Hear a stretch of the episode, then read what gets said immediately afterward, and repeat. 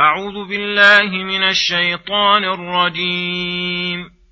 ليس على الأعمى حرج ولا على الأعرج حرج ولا على المريض حرج ولا على أنفسكم ولا على أنفسكم أن تأكلوا من بيوتكم أو بيوت آبائكم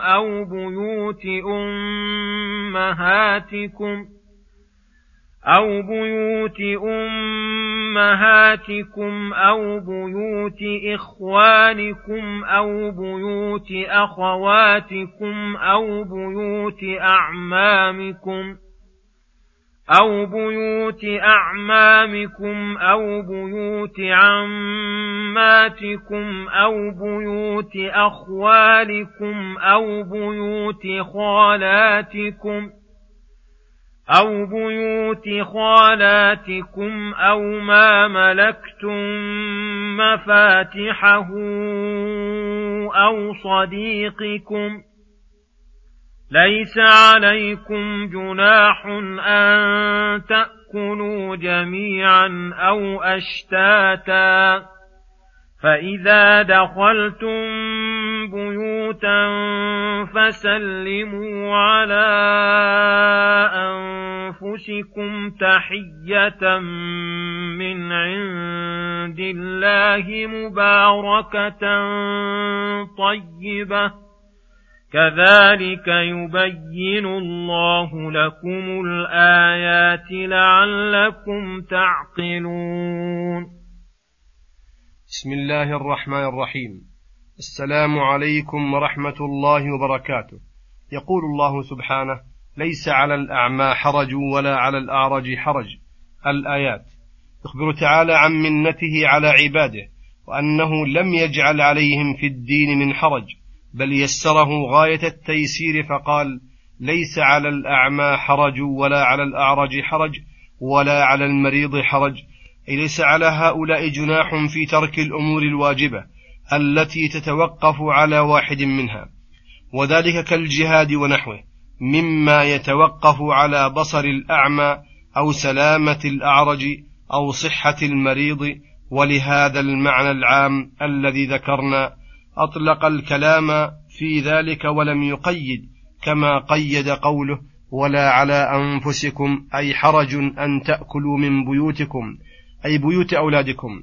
وهذا موافق للحديث الثابت أنت ومالك لأبيك.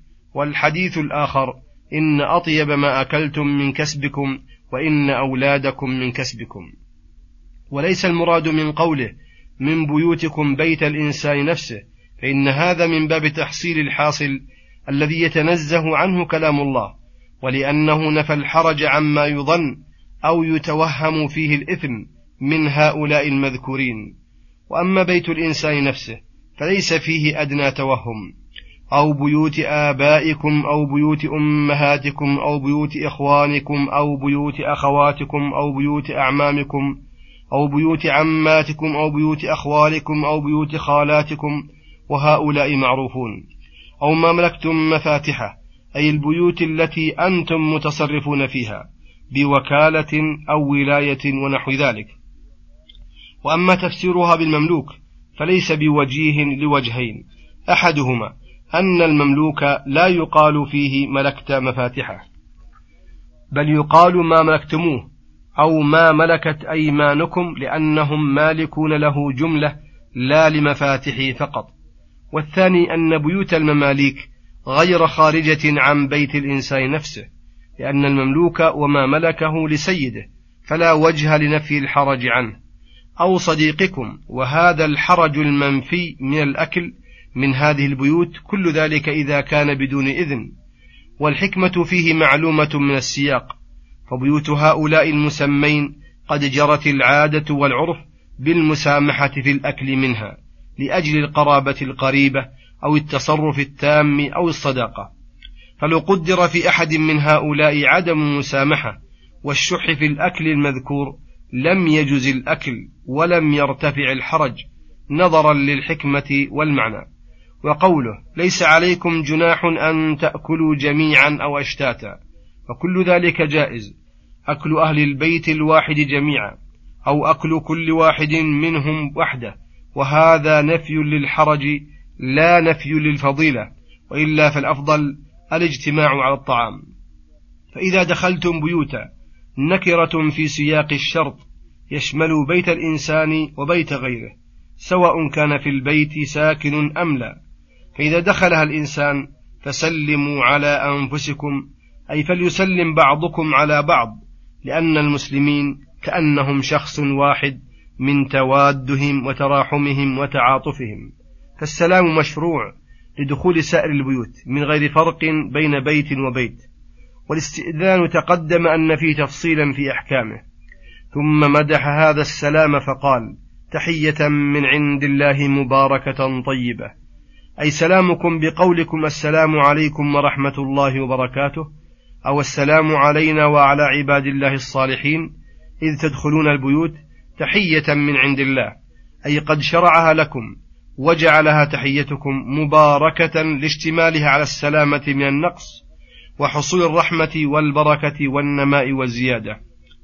طيبة لأنها من الكلم الطيب المحبوب عند الله الذي فيه طيب نفس للمحيا ومحبة وجلب, وجلب مودة.